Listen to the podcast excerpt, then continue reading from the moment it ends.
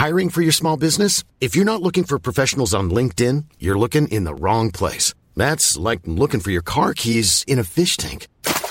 LinkedIn helps you hire professionals you can't find anywhere else, even those who aren't actively searching for a new job but might be open to the perfect role. In a given month, over 70% of LinkedIn users don't even visit other leading job sites. So start looking in the right place. With LinkedIn, you can hire professionals like a professional. Post your free job on linkedin.com slash people today.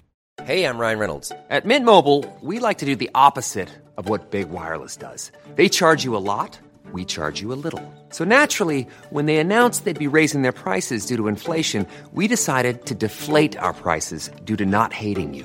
That's right. We're cutting the price of Mint Unlimited from $30 a month to just $15 a month. Give it a try at mintmobile.com slash switch. $45 upfront for three months plus taxes and fees. Promo rate for new customers for limited time. Unlimited more than 40 gigabytes per month. Slows. Full terms at mintmobile.com. Mom deserves the best, and there's no better place to shop for Mother's Day than Whole Foods Market. They're your destination for unbeatable savings, from premium gifts to show-stopping flowers and irresistible desserts. Start by saving 33% with Prime on all body care and candles. Then get a 15-stem bunch of tulips for just $9.99 each with Prime. Round out Mom's menu with festive rosé, irresistible berry chantilly cake, and more special treats. Come celebrate Mother's Day at Whole Foods Market. För när jag kom till Sverige, där gick jag ju in på Första Sparbanken och jag hade ett rekommendationsbrev med mig och äh, øh, sa liksom det här jag, øh, jag skulle vilja göra det här, det här på affärssidan och ja, så gav de mig ett jobb. Jag tror att många tycker att vi kan inte ta, ta ett jobb för vi kan inte allting. Men det är ingen som säger att man ska kunna allting. Jag tror att män har varit mycket duktiga att ta risk på varandra. Men vi har inte varit lika duktiga kvinnor att ta risk på andra kvinnor. Man kan inte styra någonting egentligen. Det gäller liksom om att ta tillvara på de möjligheter och se de möjligheter som finns och ha modet att agera på dem.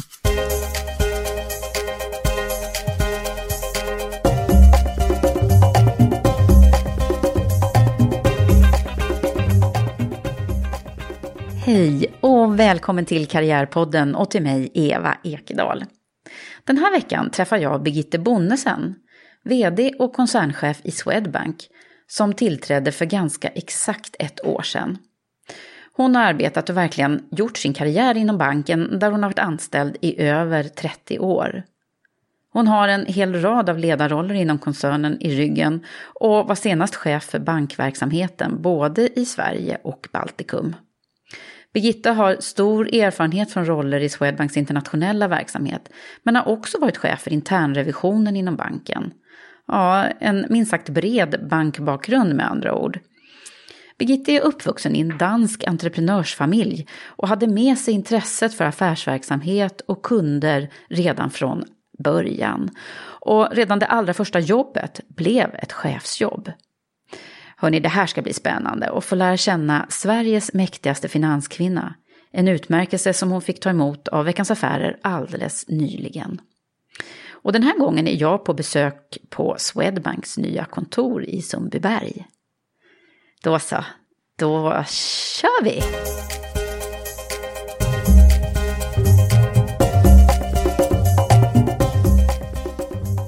Välkommen Birgitte! Tack så mycket! Till Karriärpodden. Fast egentligen är det ju jag som är hos dig, så det är ju lite konstigt idag faktiskt. Mm. Vad kul att få vara här Mm. på Swedbank. Kul att du är här.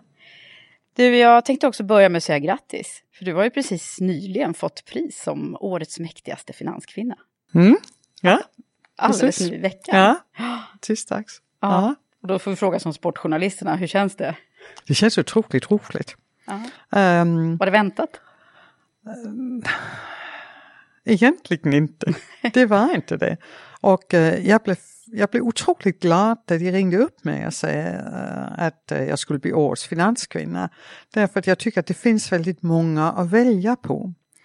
Och jag tyckte det var roligt därför att de valde en från en stor bank. Mm. Och jag tyckte det var väldigt roligt för alla mina kollegor i banken Ja. att man valde mig. Eh, Och själv personligt tyckte jag det var vansinnigt kul. Ja, för det var första gången. Det var första gången. Ja. Ja, men annars har ju du en, en lång eh, erfarenhet inom, inom bank och finans och inom Swedbank. Så Ja. jag tänkte vi ska förstås prata om det. Men eh, nu är det ett år sedan ganska precis va, Ja, du tillträdde. det är det. Ja. Det är Lite jubileum nästan... för det också. Ja, det är jubileum för mig också, men jag hade ju lite prova på-period som Mm. du kanske kommer ihåg då fick jag frågan om att bli TF. Mm. under rätt turbulenta eh, former i början på februari månad förra året. Mm. Och då satt jag som TF fram till dess att jag blev utnämnd som var efter bankens bolagsstämma. Just det. Och det var ju en rätt turbulent period. Mm. Men eh, det var ju helt självklart för mig att tacka ja. Ja, var det det? Ja, det var det. Det, Det var har du säkert fått fråga självklart. många gånger. Men, Ja, men det var det. ja. Där och Anders eh, Sundström som ställde frågan. Eh, även om det liksom var, alltså det var ju lite en chock att Micke han Ja. var lämnad och det gick så fort och sådär. Men ehm, jag tänkte aldrig på, jag behövde inte tänka till.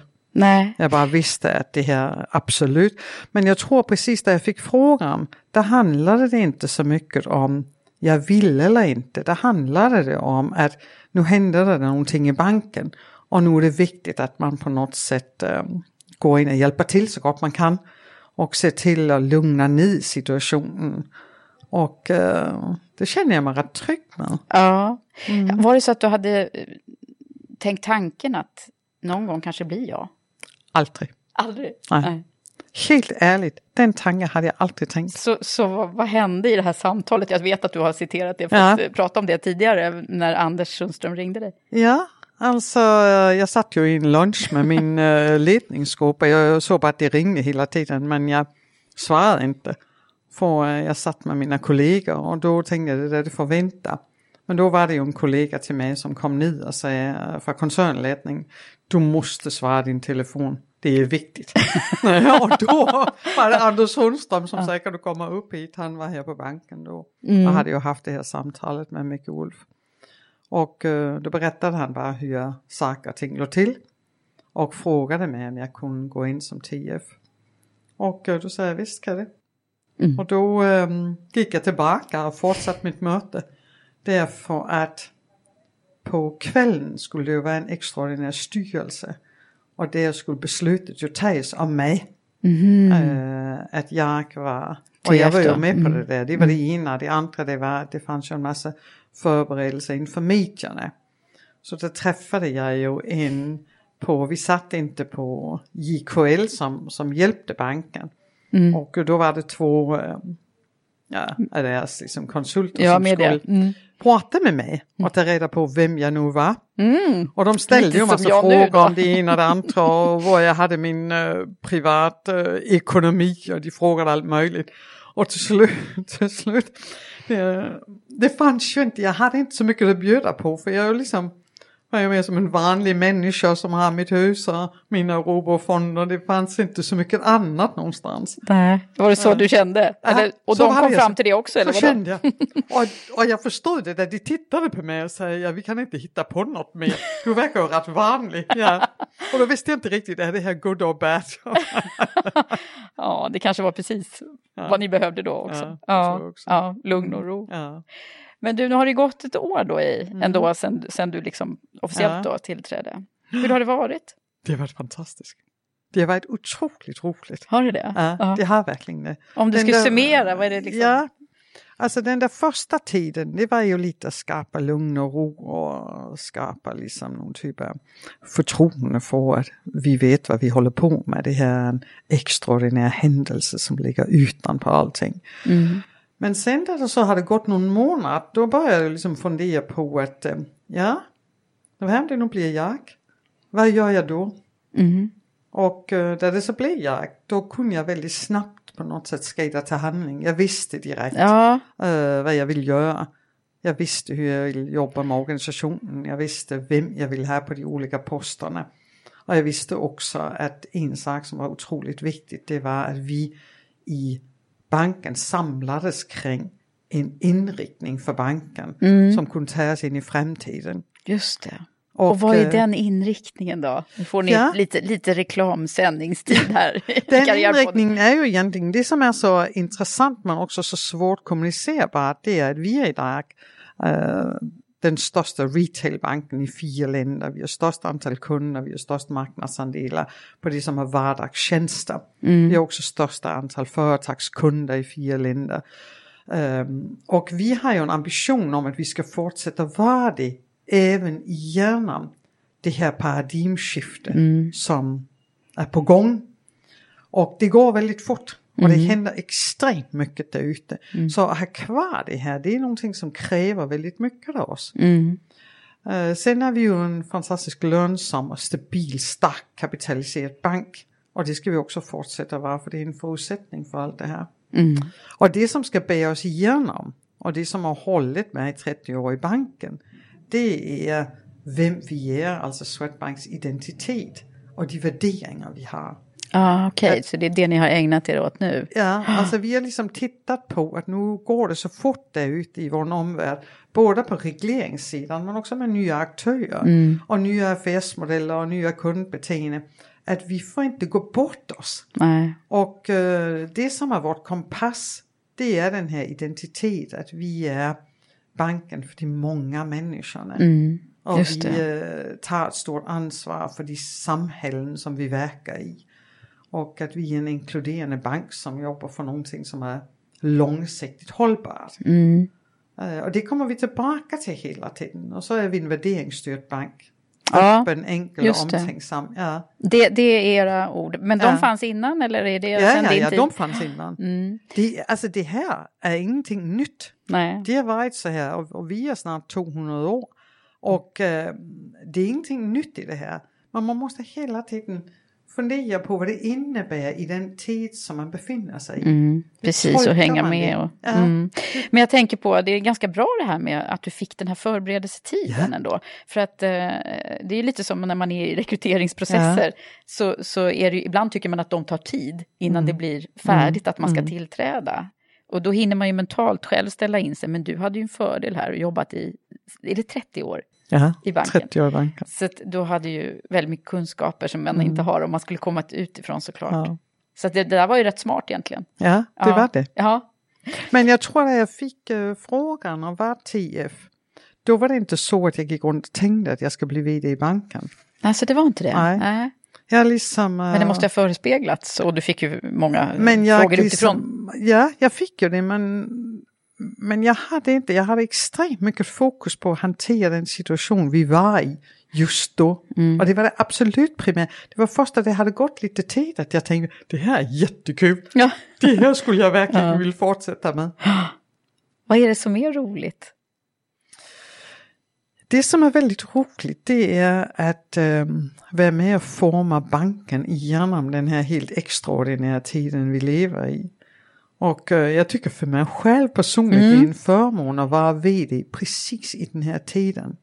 Hvor det händer så otroligt mycket. Och det som gör att jag är rätt trygg i det här det är alla kollegor jag har som jag jobbar ihop med. Och jag är väldigt avhängig av, den här, av det här samarbetet. Och kunna bolla hela tiden och hjälpas åt och så vidare. Är du en teammänniska? Ja. Vi, vi ska forska i, i din bakgrund nu och vem du är och hur du har blivit och hamnat i den här högsta positionen här. Eh, och, och då undrar man ju sådär, eh, vad, vad, jag tror att vi, vi får börja från början. Ska vi inte göra det? Jo, det Hur började det? ja. Vart, det? Var är du uppvuxen? Hur började det? Ja. Ehm, jag är ju dansk och eh, jag är uppvuxen på Jylland i en liten stad, Odder. Och eh, min pappa var egen företagare. Han hade affär med eh, kläder och textilier och så vidare. Och var mycket oerhört aktiv i vad ska man säga, i företags, bygga företagsklimat i den här uh, stad jag kommer ifrån. Hans pappa var också egenföretagare och min pappa tog över efter sin pappa. Min uh, morfar var också egenföretagare. Oj, så det är Och verkligen alla mina entreprenörssläkt onklar, då? Mm. ja, absolut. Mina onklar och mina liksom fastrar och så vidare. Allihopa är egenföretagare. Jag har en lilla syster. Hon är också egenföretagare. Jag är den enda som inte är Som inte är egenföretagare. det? Mm. Så jag växte upp väldigt mycket med det här med vad det innebär att ta ansvar både för personal men också för en affär. Eh, förstå kunders beteende och agera i en marknad med konkurrenter och så vidare. Mm, just det, det har du fått lite med från start där då. Mm. Och eh, också det här med att semester på traditionellt vis, det fanns ju inte i min familj.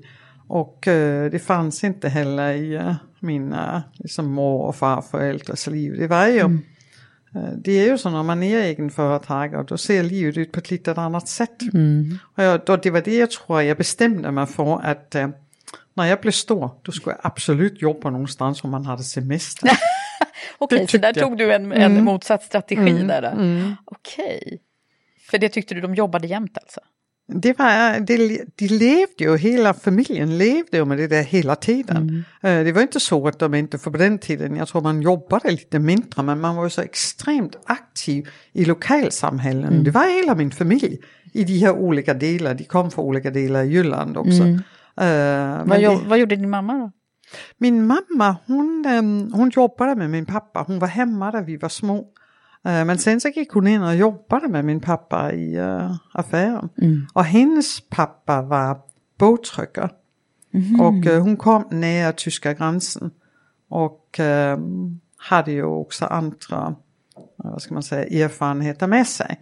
Eh, I och med att hon är uppvuxen precis eh, under kriget. Och eh, de var väldigt aktiva under kriget. Det är något som ofta är svårt att förstå i Sverige. Men eh, i min familj, då var det här någonting som fanns både på min pappa och min mammas sida. Ja. Hur man hade jobbat under kriget. Okej. Så ehm, det Hur har var, det präglat dig då? hur har det präglat mig? Jag tror det har präglat mig på det sättet att man tar ställning. Mm. Det är väldigt viktigt att ta ställning. Mm. Och eh, det är också väldigt viktigt att stå upp för det man tror på. Just det. Mm.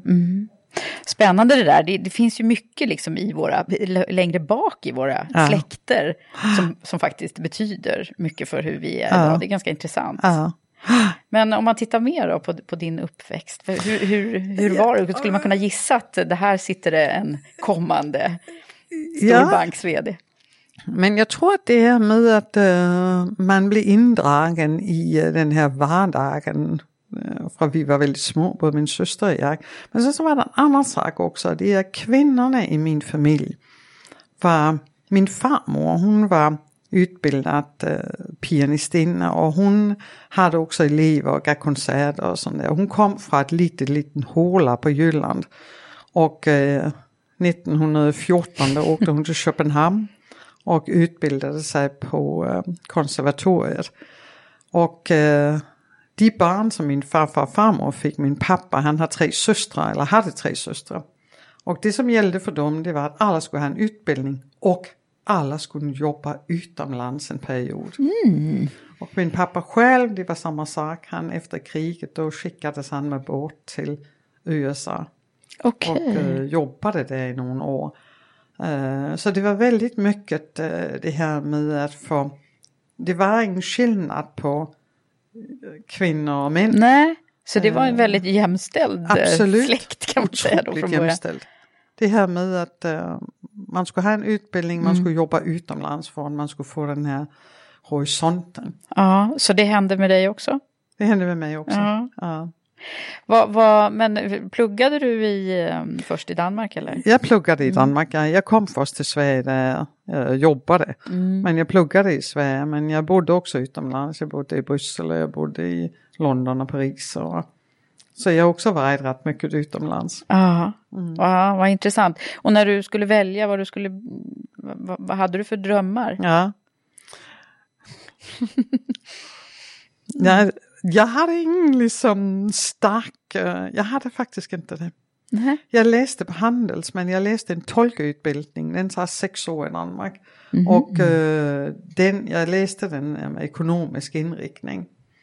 Och, eh, och när jag var klar med den, då var det mer så att eh, det var ett jobb i Köpenhamn som kom upp och så sökte jag det och fick det.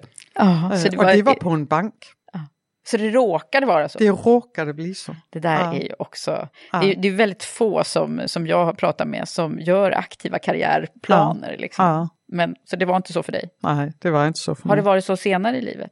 Nej, Att du har liksom planerat att om jag gör Nej. det här nu så kan jag göra det här nej sen? det har inte det. Nej, du bara go with the flow.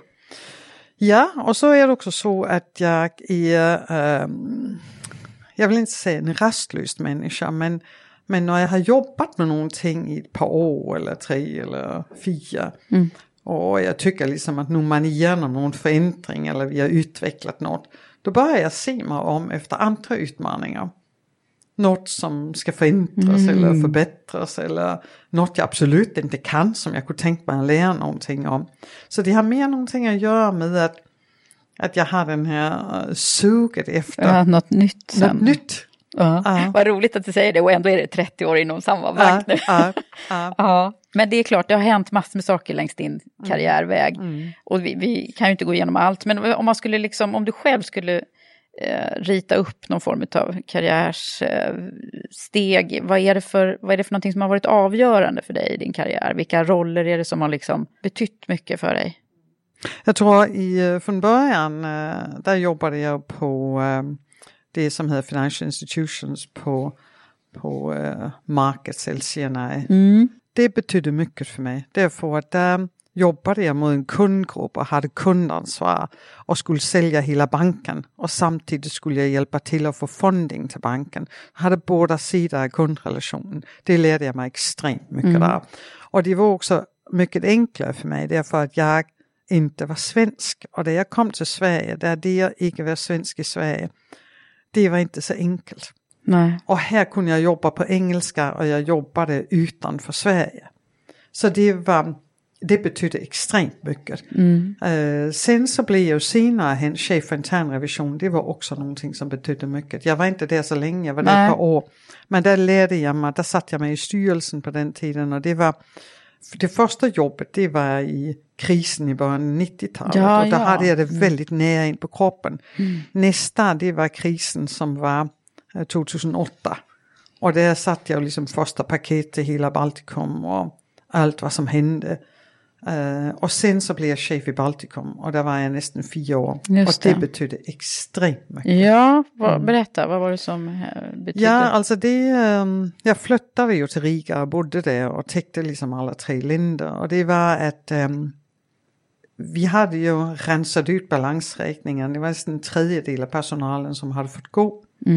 Och eh, vi trodde, nej men nu kommer allting att vända, räntorna kommer att gå upp och tillväxten kommer att gå upp och det här kommer bara att bli liksom plain sailing. Men det var ju inte så. Nej. Räntorna gick ju inte upp, tvärtom. Det gick åt andra hållet. Tillväxten kom inte igång.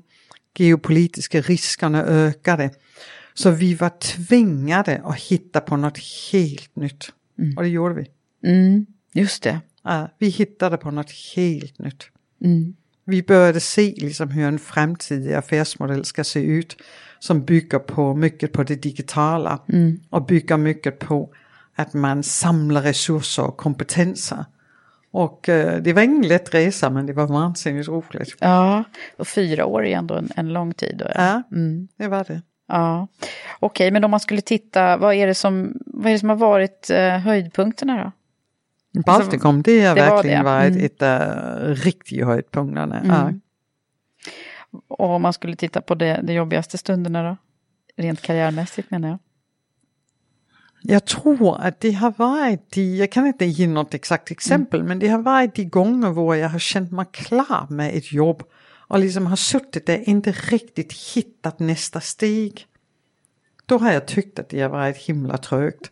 Och jag hade ett för, ja, det är 2000 där, och där frågade jag faktiskt min chef om jag fick läsa en MBA på Handels. Och det var därför att jag var uttråkad och jag såg inte nästa steg. Jag kunde inte se vad jag skulle göra efter det här. Nej. Och då fick jag den möjligheten.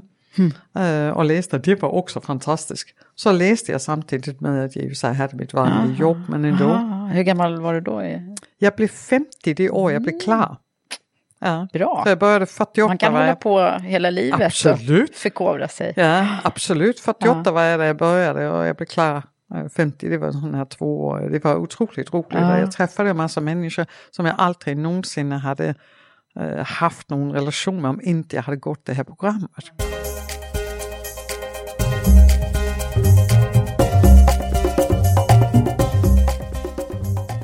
Om vi skulle titta på ditt ledarskap. Eh, när, eh, när kom första chefsjobbet? Första chefsjobbet, det var faktiskt mitt allra första jobb. Va? Det var exakt. Du började direkt? Jag började direkt som chef. Mm. Och det var på eh, det som idag är en del av Nordea i Danmark. Eh, SDS hette det. Det var också liksom inom den här Sparbanks eh, familjen egentligen. Eh, en stor dominerande retailbank i Danmark. Och där blev jag chef för deras, eh, den enhet som översatte eh, ja, både allt för årsredovisningar men också skötte liksom dagliga korrespondensen på olika språk. Så det var eh, tolk, eh, Ja, det var tolkar. då Ja. som... Och vi ägde också en bank i England och där tolkade jag när det var om det var någonting, Mm. någon som inte kunde eller det behövdes eller så vidare. Så där var jag chef och där vi var... Men hur, hur, hur kändes det, bara första jobbet så? Jag tror inte jag tänkte så mycket. Nej. Jag såg det mer som en uppgift som skulle lösas. Och, ehm, och, och jag var ju inte själv, vi var ju liksom sex personer till en början, sen så växte det ju rätt mycket. Men eh, det var vi till en början, så jag var mer så där jag gick in och sa hej, det här är jag, nu måste vi fixa det här tillsammans. och det gjorde vi, vi hade väldigt roligt i det här teamet också. Och utbilda, alltså utvecklade eh, liksom de tjänster vi hade tillsammans. Men det var också då att jag liksom förstod att det här är inte det jag ska göra. Jag måste över på affärssidan. Ah, du förstod det. Ja, Hur, förstod det. hur kunde du liksom vara så smart, höll jag på att säga? För det är ju det som vi, eh, ja, vi pratar om det ganska mycket. Ja. Att om, om, vi, om vi ska få fler kvinnor vid, i högre positioner så behöver fler eh, alltså, jobba med affärsverksamheten. Mm. Eh, det är ju väldigt vanligt att många kvinnor hamnar bara på specialist och stabsfunktioner. Men, men jag tror att det var det här jag hade med mig hemifrån. Att jag hade det här med affären, det liksom låg så Ja, latent det är den där i mig. företagsamheten. Ja, Mm. och så såg jag liksom många av de här kollegor som använde de tjänster eller det, det vi gjorde Mm. eh, som var på affärssidan. Just det. Och, eh, och så tänker jag, "Nej, men det där kan jag också göra. Mm. Eh, Det är det där jag vill göra, ut och träffa kunder och göra affärer. Mm. Och det var därför när jag kom till Sverige, där gick jag ju in på Första Sparbanken och jag hade ett rekommendationsbrev med mig. Mm. Och uh, säger liksom det här är jag. Mm-hmm. Och eh, jag skulle vilja göra det här, det här på affärssidan. Och, och eh, ja, så, Så fick de du ett jobb. Ja. Ja.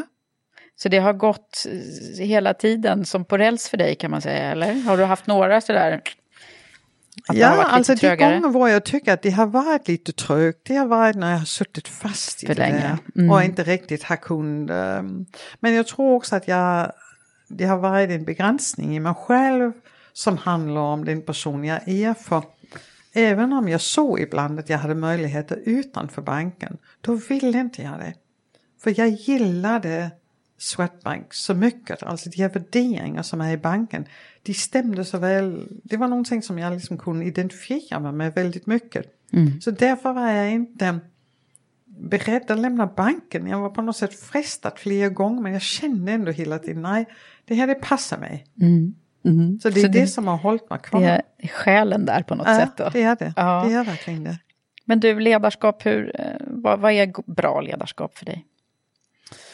Ledarskap för mig det är, eh, jag tror det är att man är väldigt öppen och väldigt eh, transparent. Men det är också att man är modig. Att man vågar fatta beslut. Och man vågar sätta en inriktning. Det är att man kan lyssna. Men det är också tror jag väldigt, för mig har det varit väldigt viktigt att man att jag liksom äger mina egna svagheter om du förstår det.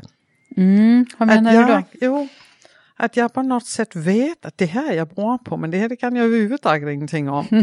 Eh, och att jag liksom har vågat Selling a little or a lot? Shopify helps you do your thing however you cha-ching. Shopify is the global commerce platform that helps you sell at every stage of your business. From the launch your online shop stage to the first real life store stage, all the way to the did we just hit a million orders stage.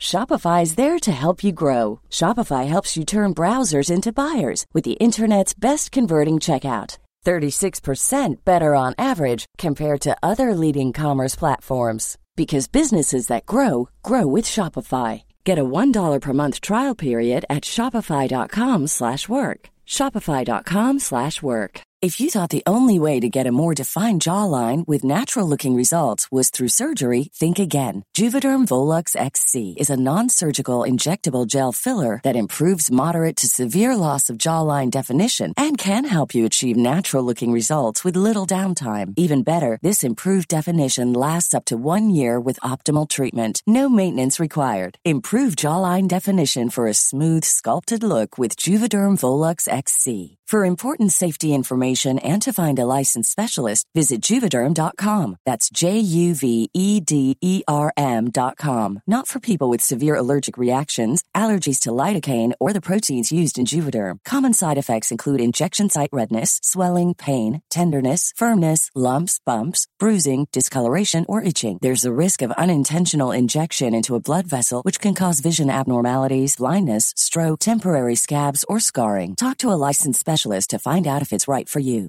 You should celebrate yourself every day, but some days you should celebrate with jewelry. Whether you want to commemorate an unforgettable moment or just bring some added sparkle to your collection, Blue Nile can offer you expert guidance and a wide assortment of jewelry of the highest quality at the best price. Go to BlueNile.com today and experience the ease and convenience of shopping Blue Nile, the original online jeweler since 1999. That's BlueNile.com. BlueNile.com. Ryan Reynolds here from Mint Mobile. With the price of just about everything going up during inflation, we thought we'd bring our prices down. So to help us, we brought in a reverse auctioneer, which is apparently a thing. Mint Mobile unlimited premium wireless. Ready to get 30, 30, bit to get 30, bit to get 20, 20, 20, bit to get 20, 20, bit to get 15, 15, 15, 15 just 15 bucks a month. So, Give it a try at mintmobile.com slash switch. $45 upfront for three months plus taxes and fees. Promote for new customers for limited time. Unlimited more than 40 gigabytes per month. Slows. Full terms at mintmobile.com. Hey there, it's Michelle Norris. I'm host of a podcast called Your Mama's Kitchen. When I travel, I'm usually looking for a way to find a taste of home when I'm not at home. And one of the things I love to do when I am at home is entertain. And Airbnb allows me to do that. When I was in California recently, I rented a house that had a great kitchen. And when we were sitting around the table, we were all thinking, we're in someone else's house. Someone could be in all of our homes as well. If you have a home, but you're not always at home, you have and Airbnb. Your home might be worth more than you think. Find out how much at airbnb.com slash host. Och att vara väldigt öppen med att det är de här delar som ingår i jobbet men jag kan ingenting om det. Men däremot så har jag varit väldigt bra på att hitta andra som kan. Och jag tror att det är otroligt viktigt. Mm. Jag tror att många tycker att vi kan inte ta, ta ett jobb för vi kan inte allting. Men det är ingen som säger att man ska kunna allting. Nej. Men det man måste förstå det är vad man själv kan och vad man inte kan. Så att man kan gå ut och säga till andra, vill du gå och jobba med mig? För du kan det här och jag kan det här. Och tillsammans så kan vi göra så här. Ja. Eh, det tror- där är ju någonting som, som vi tjejer brukar vara, eller det, det ju, har, heter ju det att vi Ja. oftast ska kunna så himla mycket för att Ja. vi ska överhuvudtaget söka ny, nytt Mm. jobb. Vad- hur, hur tycker du att det är? Jag förstår att du själv kanske inte har haft det då, men tycker du att det är så? Jo, jag hade det så när jag var yngre. Det det? Mm. Men ju äldre jag blivit, nu mer förstår jag att det där är otroligt naivt. Ja. Därför att i ett, eh, i, och, och mer eller mindre i samhället som samhället utvecklar sig, det blir mer och mer komplext. Och eh, i och med den här digitala delen, då gör det att det finns ingen chans i världen att du kan allting. Ehm, och det finns också så att du måste hela tiden förstå vem du ska jobba ihop med på tvärna, kanske en organisation. Så det, det är något helt nytt vi är på vägen i och där tror jag att den här förmågan att förstå med sig själv, vad man själv kan, vem som levererar in till mig och vem jag ska leverera vidare till, vad det är för kompetenser jag behöver och vad ska man säga, jobba ihop Mm. med. Jag tror det blir en uh, riktigt, riktigt viktig komponent i, I framtiden. chef, både chefskap men också ett medarbetarskap i framtiden. Mm, verkligen. Vad är, det för, vad är det för personer som har varit viktiga för dig eh, under, under din resa? Har, vi pratar ofta om att man tidigt så är det någon som så att säga, pushar fram en och kanske Mm. lyfter en. Ibland är det ju föräldrarna som står bakom, men, ibland så är det ju andra personer längs vägen som har varit viktiga. Vi kallar dem för sponsorer. Ja. Har du haft några sponsorer? Inte på det sättet. Jag har faktiskt inte haft det. Nej. Jag tror att det som har varit viktigt för mig det har varit de här delar som jag har haft med mig hemifrån. Och så att jag faktiskt har haft möjligheten att hela tiden på vägen eh, hitta nya jobb, hitta nya vinklingar på ett jobb jag kanske redan hade och sökt nya utmaningar. Så de man kan säga har varit sponsorer, det har liksom varit många som hela tiden har, när jag har sagt jag vill gärna vara med i det projektet, så någon som har sagt ja men det ska du vara. Ehm, eller de som har tagit risk på mig, till exempel när jag blev chef för internrevision, de tog en enorm risk på mig. Eh, Varför gjorde de det? Jo, därför att jag kunde Du kunde- ingenting nej. om internrevision överhuvudtaget. Nej. Ehm, men det är ändå så att jag vill någonting med den här enheten och att jag visste att det var så många kompetenta människor där. Så att jag skulle säkert kunna uppnå det här i alla fall. Och jag tror också att den, så jag tror det har varit många människor på vägen, inte nödvändigtvis alltid chefer. Nej. Men lika mycket kollegor som man jobbar med i vardagen och det kan både vara någon som rapporterar till en och på samma nivå som en själv. Det tro, så vad- tror jag det har varit mer. Om man skulle försöka förstå sig på vem, vem, dina egenskaper, du vet nu börjar jag bli som en rekryteringskonsult på riktigt, då brukar vi ställa sådana här frågor om, ja men eh, man brukar beskriva sig själv. Eh, Men om man skulle liksom titta på de mest utmärkande dragen hos dig, vad är, vad är det för någonting? Jag tror, eller jag är en väldigt engagerad person. Eh, och jag är också en sån här som hela tiden letar efter vad är det som vi måste förändra för på något sätt att matcha den tid vi lever i. Det är någonting som jag är otroligt upptagen när jag förstår vad är det som händer där ute i kundbeteende men också i samhället som, i, i stort.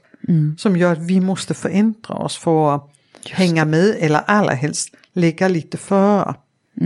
Så det är en grej. Det, det har- är två grejer. Det tredje Ja. det är det där med att bygga team. Just det. Och eh, eh, jag kan nästan säga att det känns lite egoistiskt att säga det men, men det är faktiskt så att jag tycker det är otroligt roligt att jobba ihop med andra duktiga engagerade människor.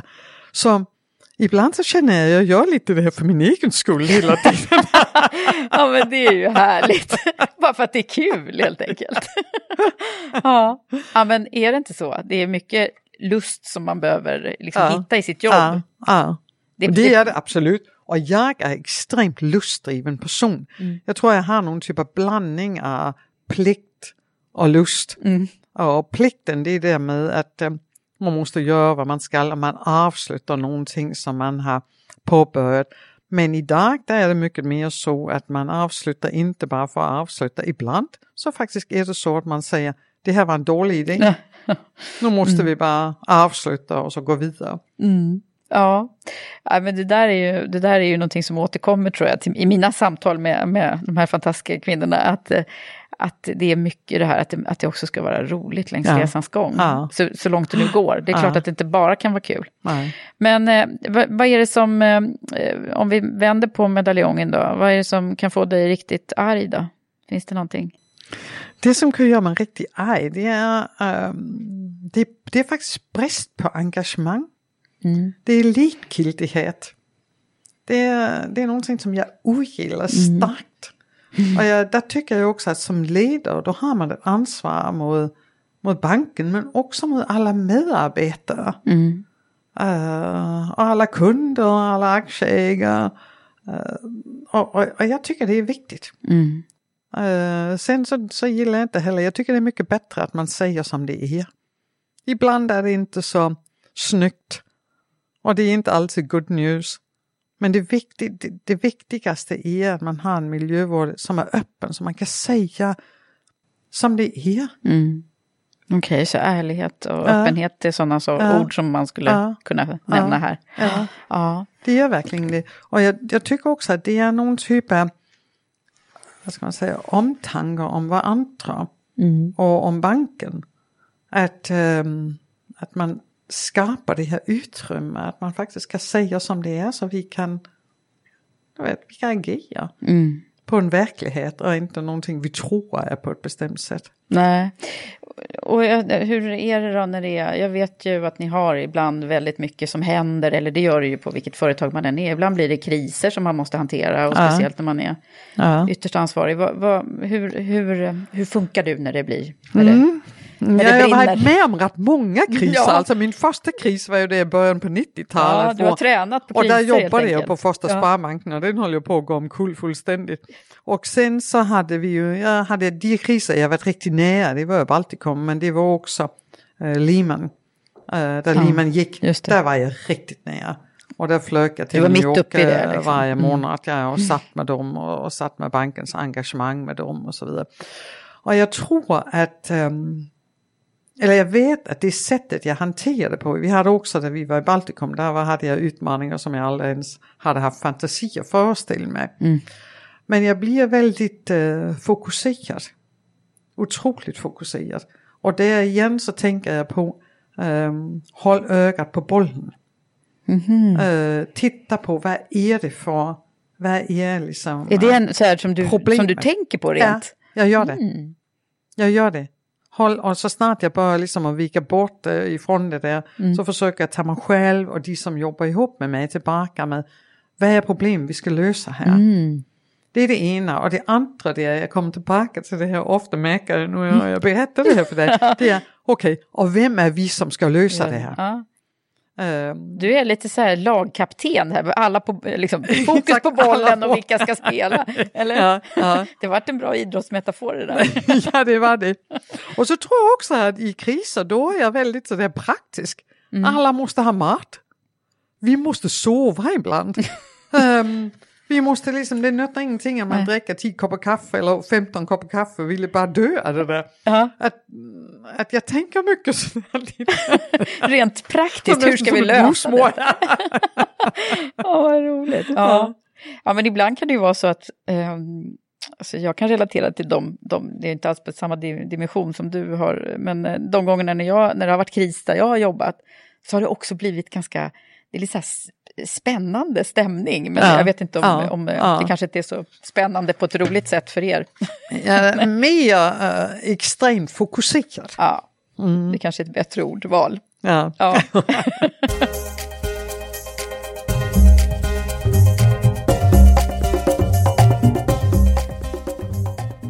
Okej, men om man skulle också försöka ringa in, eh, jobbar du jämt eller är du... Nej, jag här- jobbar inte jämt. Har du en, pri- en privat eh, Du, sida ja, också? du kan inte ringa mig efter klockan nio på kvällen. Är det så? Ja. Eh, om inte det är så att det verkligen har hänt någonting stort. Ehm, så är det, och det vet alla som jobbar med Ja. mig. Eh, För då att, sover du? Eller vad ja. gör du? Då sover jag. Ja. Sen så går jag upp jättetidigt på morgonen. Och eh, så man kan ringa för klockan sju. Ah. men, men det är lite så jag fungerar och jag måste ha den där tiden för återhämtning. Och det är jag duktig på. Jag Ja. tror det är det som gör att jag klarar mig. Eh, jag tycker också att människor ska ha semester. Jag själv jobbar aldrig på lördagar. Ja, just det, det var ju inte- därför du valde att inte bli egenföretagare, för att du skulle ha Exakt. semester. Ja, jag skulle ha semester och jag skulle kunna vara ledig på lördagar. Ehm, så, så jag hade liksom, eh, jag har på något sätt något system för det. Jag försöker gå lite tidigare på fredagar och så jobbar jag inte på lördagar. Eh, och det vet de flesta också att, eh, att det är inte så att man måste skicka något mail till mig på en lördag eller klockan ett på natten eller något. Eh, det är viktigt att, att man har ett ehm, man har ett privatliv, det är också viktigt att man återhämtar sig. Och av- av många olika skäl. Ett är rent liksom fysiskt, men också därför att man får inte tappa perspektivet.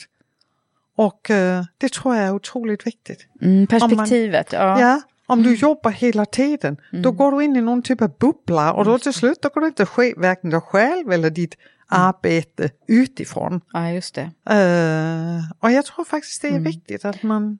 Det är nog det som många som, som, alltså, som går in i väggen eller som Ja. eh, får problem. Och, det, är- det är att man aldrig stänger av då. Ja. Mm, för att det liksom snurrar tankar Ja, hela tiden. ja. Men du klarar alltså av att ändå liksom stänga bort jobbet?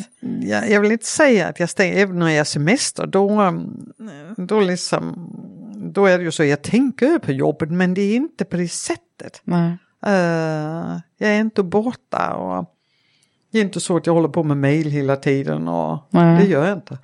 Åh, jag skulle behöva lära mig det här av dig känner jag. Ja, jag det inte, känns som men- jag har jobbat dygnet runt senaste tiden. ja. Men jag är också egenföretagare dock. Exakt, exakt så är det så. Men jag tror det är samma, det är någon typ av disciplin också jag har lärt mig. Och så det, är det ena. Och det andra det är att jag, till skillnad från du, jag har hela tiden någon att delegera till. Att eh, jag behöver inte göra allting själv. Och det är också så att mycket blir mycket, mycket bättre om det är någon annan som gör det. Så, så jag försöker att liksom strukturera upp det så jag förstår vad jag måste göra och vad någon annan gör mycket bättre. Eh, Det där är ju bra. Men det är också att kunna liksom veta vad är det som är viktigast nu Ja. och så. Ha- Hur, hur gör du där med din prioritering? Ja, Är det några bra knep? Eller? egentligen inte. Det är ju väldigt, um, jag har ju väldigt uppbokat vardag. eh, med möten som liksom går i varandra hela tiden. Mm. Eh, men ändå, jag försöker på möten också tänka igenom vad är det som är viktigast på det här mötet ibland. Så kan det faktiskt vara bara att se någon annan människa som är viktigast. Att någon annan får berätta om vad de gör på dagarna. Mer än att jag nödvändigtvis behöver ställa massa frågor. Så jag tror att man ska inte um, överskatta sin egen betydelse alltid. Men det är viktigt att man försöker förstå vad som krävs i varje enskild situation. Har du tänkt eh, annorlunda tror du än, än, än tidigare vd här? Jag tror faktiskt att varje vd har sitt sätt att, att se på saker och ting. Och det är också en reflektion av vem man är som person.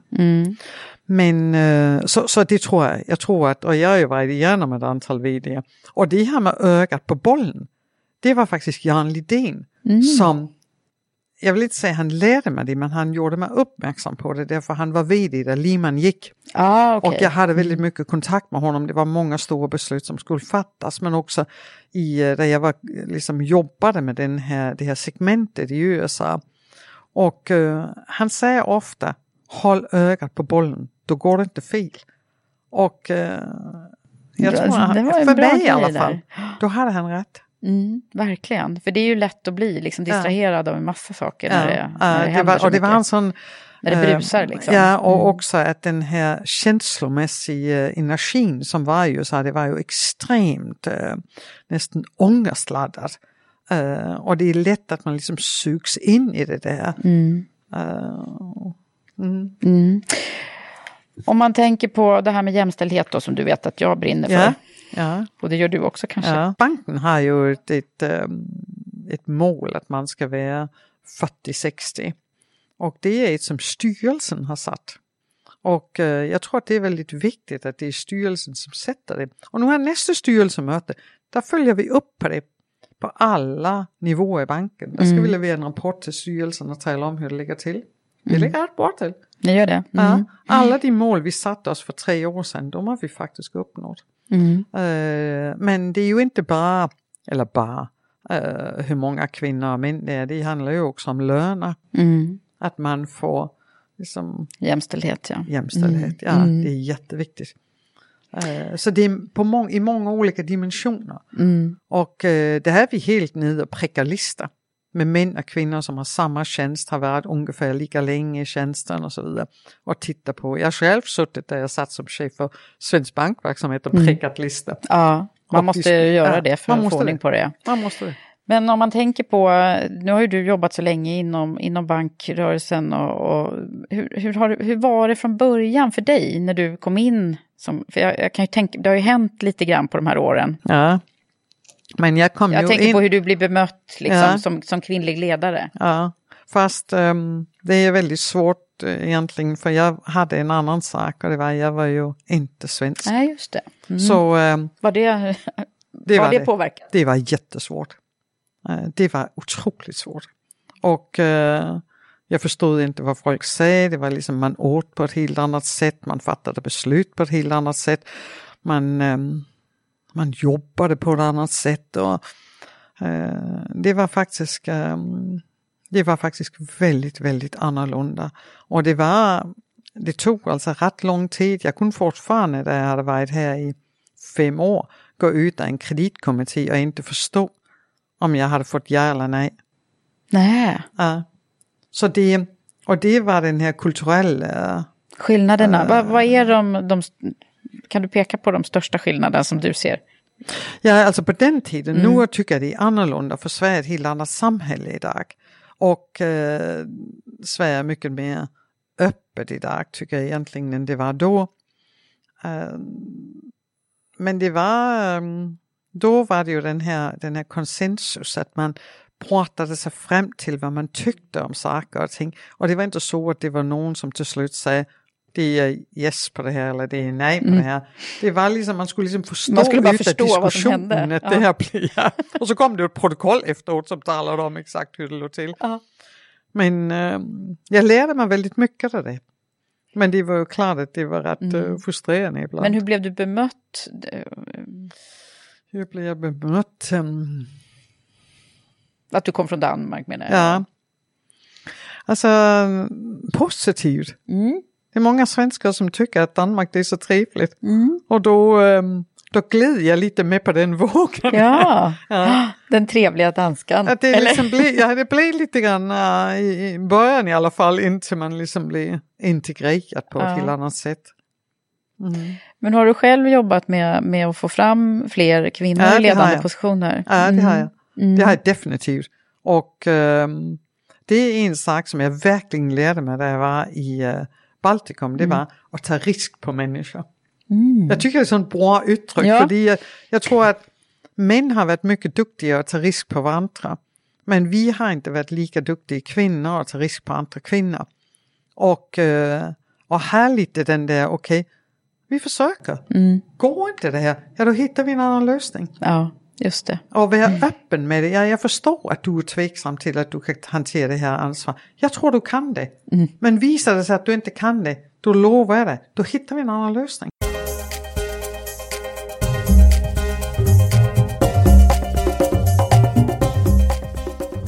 Men du, om vi skulle eh, bara ringa in lite grann. Vad, vad, eh, ofta är det ju så här att vi har med oss massa eh, saker ifrån, som präglat oss från, från barndomen eh, till de vi är idag. Kan du, kan du liksom peka på vilka saker, förutom företagsamheten som vi har pratat om, som har, som har gjort att du är den du är idag? Ja, jag tror företagsamheten det är en sak, men en annan sak det är det här med att man, man verkar i ett sammanhang som är väldigt påtagligt när man är egen företagare. Det är verkligen det. Mm. Och eh, det är verkligen någonting jag har med mig, att man, att jag liksom på något sätt försöker hålla koll på hela tiden vad som händer där ute. Det är inte något som är någon ansträngning, men jag tror det är någonting som automatiskt ligger i mig. Och det tredje det är att som egen företagare, man klarar sig inte bra om inte man, det är lustfullt. Nej, just det. Så det tror jag verkligen jag har med mig och det där med att eh, ja, man behandlar andra människor med respekt. Ja. Hur har det sett ut i ditt privatliv? Du har, du har en son vet jag. Ja, Mm. Som är hur gammal nu? 26. Sex. Mm. Det är helt underbart att ha Ja. vuxenbarn. Helt fantastiskt, vill jag säga. Det är Ja. verkligen det. Ja, Han bor i London han bor i London. och eh, jag, eh, vi träffas rätt ofta. Mm. Och eh, jag var ensamstående mamma med honom i tio år. Mm. Och eh, det är fantastiskt att vara ensamstående mamma i Sverige. Det var det även då. Han var väldigt liten och det var första, Mm. nästan första tio åren, inte helt men nästan första tio åren. Mm. Och eh, Sverige var fantastiskt. Ja. Jag hade otroligt intressant jobb samtidigt med att jag kunde vara väldigt mycket med Fredrik. Mm. Och eh, jag insåg rätt tidigt att jag fick nog bara han. Och eh, jag prioriterade det väldigt högt. ja. Men Det du jag. jobbade mm, som, som ledare under de här åren också förstås? Ja, jag jobbade som specialist och sen som ledare. Mm. Ja. Det där är ju någonting som jag också ofta får faktiskt, sådana som skriver till Karriärpodden och vill att vi ska diskutera mer. Hur är det att vara, Mm. alltså göra en, en framstående karriär under tiden man också Mm. blir mamma och förälder. Mm. Hur har det varit? För, för min del där är det så att eh, jag var väldigt eh, noggrann med att prioritera. Och så låter det som om att det var något jag medvetet bestämde men det var faktiskt inte så. Jag jobbade och jag var med Fredrik. Mm. Och eh, det var inte så att jag, att jag liksom gick på något gym och tränade och han hade massa barnvakter och, och jag gjorde massa annat. Jag gjorde faktiskt inte det. Nej. Så jag hade ju en annan ambitionsnivå eh, på livet i stort. Men det kom rätt naturligt för mig. Det kan vara annorlunda för andra människor men för mig var det här rätt naturligt. Och vi hade fantastiska upplevelser där han var liten. Vi reste rätt mycket. Ehm, och eh, upplevde massa spännande saker. Och, och det där var väldigt viktigt för mig. Eh, Ja, men det blir ju lite vad man, vad man gör Ja, det till. så tror jag också en annan sak eh, som, som jag har sagt senare hen, eh, att det är viktigt att, eh, för mig var det väldigt viktigt det här med att liv är långt och du ska inte göra allting samtidigt, du behöver inte det. Nej. Det där såg jag att du hade Ja. eh, sagt nu i intervjun i Ja, Veckans Affär. men det är jag väldigt menar, klokt faktiskt. äh, jag menar verkligen Mm. det. Man kan verkligen kosta på sig att njuta av de saker man har i sitt liv i vissa perioder. Jag menar barn är ju inte, de är ju bara små, det är bara en period i ens liv. Mm. Sen så är det massor med år hvor man kan jobba hela tiden om det är det man vill. Mm. Eller man kan göra andra saker för att utveckla sig själv eller umgås med kompisar och så vidare. Mm. Så för mig där var det så att det var väldigt eh, Det, det är väldigt bra. Jag fick faktiskt själv höra det när jag var lite stressad när jag, första barnet. Så, så ville jag tillbaka till jobbet och tyckte att det var, man förlorar ju lite liksom sin Mm. plattform på något sätt där. Men då var det faktiskt en klok äldre kvinna som sa till mig då att eh, men Eva du ska jobba i 35 år till eller 40. Exakt. Så att, eh, ta det lugnt, du hinner. Ja, och det är ja, ju precis det du menar här. Ja, man gör ju det. Ja, man, Man hinner. gör det. Ja. Ja. man hinner och det tycker jag själv också att jag, att en sak som jag är väldigt glad för det är att bli vd när man är 60 och inte vara svensk och eh, vara kvinna Jaha. Och ha varit så länge i banken. Jag tycker det säger väldigt Ja. mycket om Swedbank. Ja, ja det, är, det är bra grejer det där.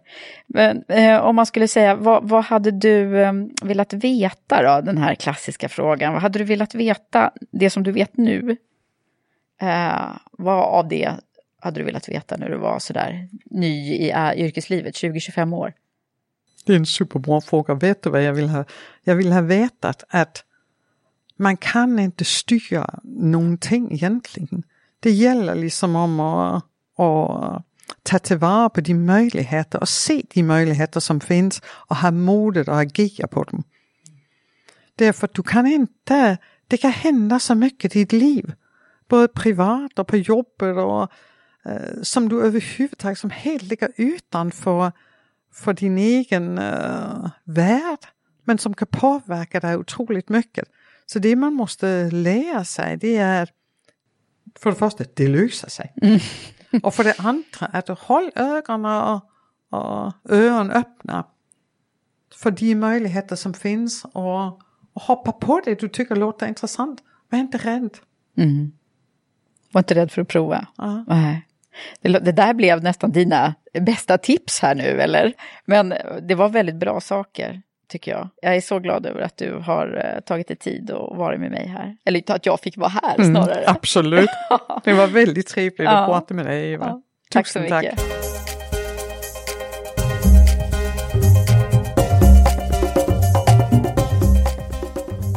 Så här efter vårt samtal så tänker jag att vilken härlig karriär hon har gjort Birgitte. Och vi har nog mycket att lära oss av hennes kloka tankar om livet och karriären, eller hur?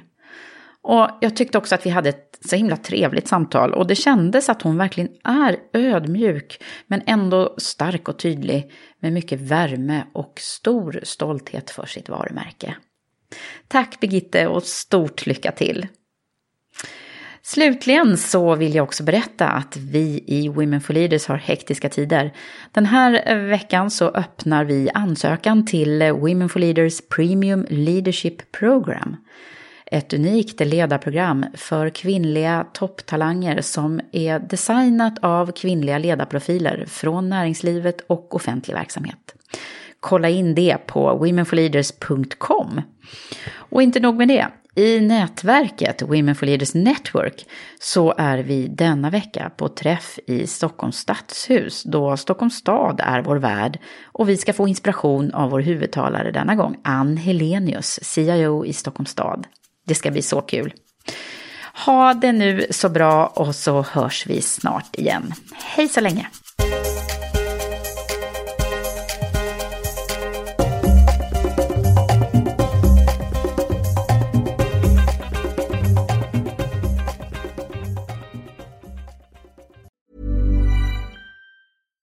Deserves the best, and there's no better place to shop for Mother's Day than Whole Foods Market. They're your destination for unbeatable savings, from premium gifts to show-stopping flowers and irresistible desserts. Start by saving 33% with Prime on all body care and candles. Then get a 15-stem bunch of tulips for just $9.99 each with Prime. Round out Mom's menu with festive rosé, irresistible berry chantilly cake, and more special treats. Come celebrate Mother's Day at Whole Foods Market. Hi, I'm Daniel, founder of Pretty Litter. Cats and cat owners deserve better than any old-fashioned litter. That's why I teamed up with scientists and veterinarians to create Pretty Litter. Its innovative crystal formula has superior odor control and weighs up to 80% less than clay litter. Pretty Litter even monitors health by changing colors to help detect early signs of potential illness. It's the world's smartest kitty litter. Go to prettylitter.com and use code ACAST for 20% off your first order and a free cat toy. Terms and conditions apply. See site for details. Mom deserves the best, and there's no better place to shop for Mother's Day than Whole Foods Market. They're your destination for unbeatable savings, from premium gifts to show-stopping flowers and irresistible desserts. Start by saving 33% with Prime on all body care and candles. Then get a 15-stem bunch of tulips for just $9.99 each with Prime. Round out Mom's menu with festive rosé, irresistible berry chantilly cake, and more special treats. Come celebrate Mother's Day at Whole Foods Market.